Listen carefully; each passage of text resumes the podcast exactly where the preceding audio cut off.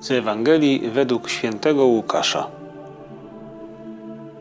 Pierwszy dzień tygodnia dwaj uczniowie Jezusa byli w drodze do wsi zwanej Emaus, oddalonej 60 stadiów od Jerozolimy. Rozmawiali oni ze sobą o tym wszystkim, co się wydarzyło. Gdy tak rozmawiali i rozprawiali ze sobą, sam Jezus przybliżył się i szedł z nimi, lecz oczy ich były niejako na uwięzi, tak że go nie poznali. On zaś ich zapytał – Cóż to za rozmowy prowadzicie ze sobą w drodze? Zatrzymali się smutni, a jeden z nich imieniem Kleofas odpowiedział mu: Ty jesteś chyba jedynym z przebywających w Jerozolimie, który nie wie, co się tam w tych dniach stało. Zapytał ich: Cóż takiego? Odpowiedzieli mu: To, co się stało z Jezusem z Nazaretu, który był prorokiem potężnym w czynie i słowie wobec Boga i całego ludu jak arcykapłani i nasi przywódcy wydali go na śmierć i ukrzyżowali. A myśmy się spodziewali, że właśnie on miał wyzwolić Izraela. Teraz zaś po tym wszystkim, dziś już trzeci dzień, jak się to stało. Co więcej, niektóre z naszych kobiet przeraziły nas. Były rano u grobu, a nie znalazłszy jego ciała, wróciły i opowiedziały, że miały widzenie aniołów, którzy zapewniają, iż on żyje. Poszli niektórzy z naszych do grobu, i zastali wszystko tak, jak kobiety opowiadały, ale jego nie widzieli. Na to on rzekł do nich: O nierozumni, jak nieskore są wasze serca do wierzenia we wszystko, co powiedzieli prorocy. Czyż Mesjasz nie miał tego cierpieć, aby wejść do swej chwały? I zaczynając od Mojżesza poprzez wszystkich proroków, wykładał im, co we wszystkich pismach odnosiło się do niego. Tak przybliżyli się do wsi, do której zdążali, a on okazywał, jakoby miał iść dalej, lecz przymusili go, mówiąc: Zostań z nami, gdyż ma się ku wieczorowi i dzień się już nachylił. Wszedł więc, aby zostać z nimi. Gdy zajął z nimi miejsce u stołu, wziął chleb, odmówił błogosławieństwo, połamał go i dawał im. Wtedy otworzyły się im oczy i poznali go, lecz on zniknął im z oczu. I mówili nawzajem do siebie: Czy serce nie pałało w nas, kiedy rozmawiał z nami w drodze i pisma nam wyjaśniał?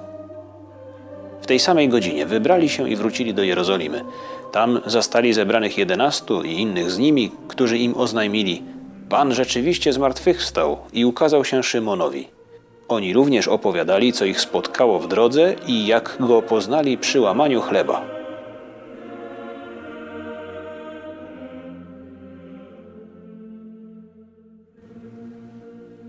Gdy nie ma Chrystusa, tak naprawdę nic się nie chce.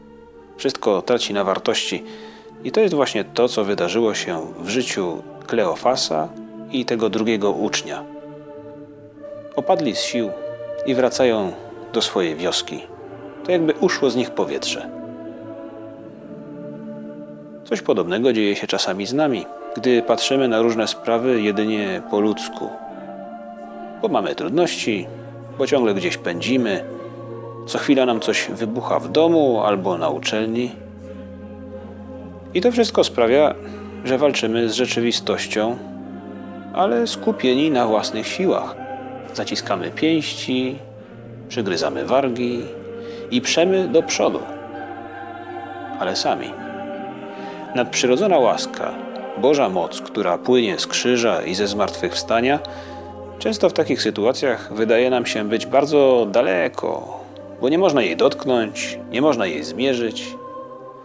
Jesteśmy trochę jak w tym starym dowcipie o murarzu, który biega z pustą taczką, wykrzykując, że tyle roboty, że nie ma kiedy załadować.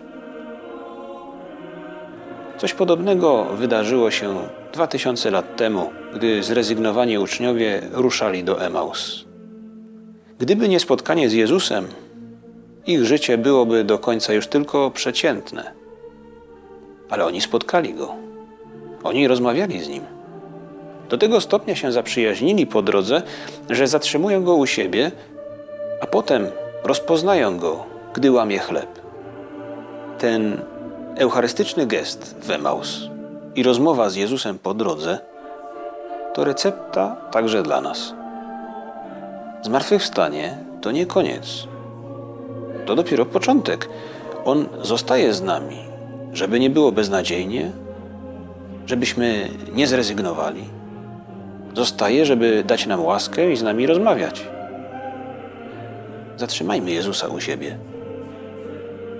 Odwiedzajmy Go raz dziennie w Przenajświętszym Sakramencie i porozmawiajmy z Nim naszymi słowami. Być może trzeba będzie nadłożyć trochę drogi do szkoły, pracy czy na uczelnię, a może wcale nie, bo jest kościół obok naszego przystanku. Na chwilę wejdźmy, przyklęknijmy i w ciszy pozdrawiajmy zmartwychwstałego. Powiedzmy mu: Panie Jezu, cieszę się, że tu jestem. Cieszę się, że mogę z Tobą rozmawiać. Tyle mam Ci do opowiedzenia. I usłyszymy Jego głos. Jak dobrze, Panie Jezu, że Twój głos usłyszymy wewnątrz naszej duszy. I niejedną rzecz zrozumiemy wówczas lepiej. W niejednej poczujemy się silniejsi, bo zobaczymy wyraźniej, że Ty jesteś obok nas. Chcemy, Panie Jezu, być razem z Tobą, ale pomóż nam Cię zobaczyć, gdy ze spuszczoną głową tracimy spojrzenie nadprzyrodzone, gdy zaciskamy nasze pięści i idziemy naprzód, ale sami. Jak dobrze, że jest na to lekarstwo, gdy możemy Cię spotkać w Eucharystii i modlitwie.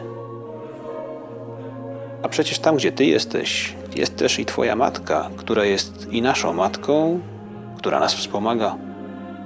W takim towarzystwie nic złego spotkać nas nie może, tylko radość, że to wcale nie jest koniec, że to dopiero początek.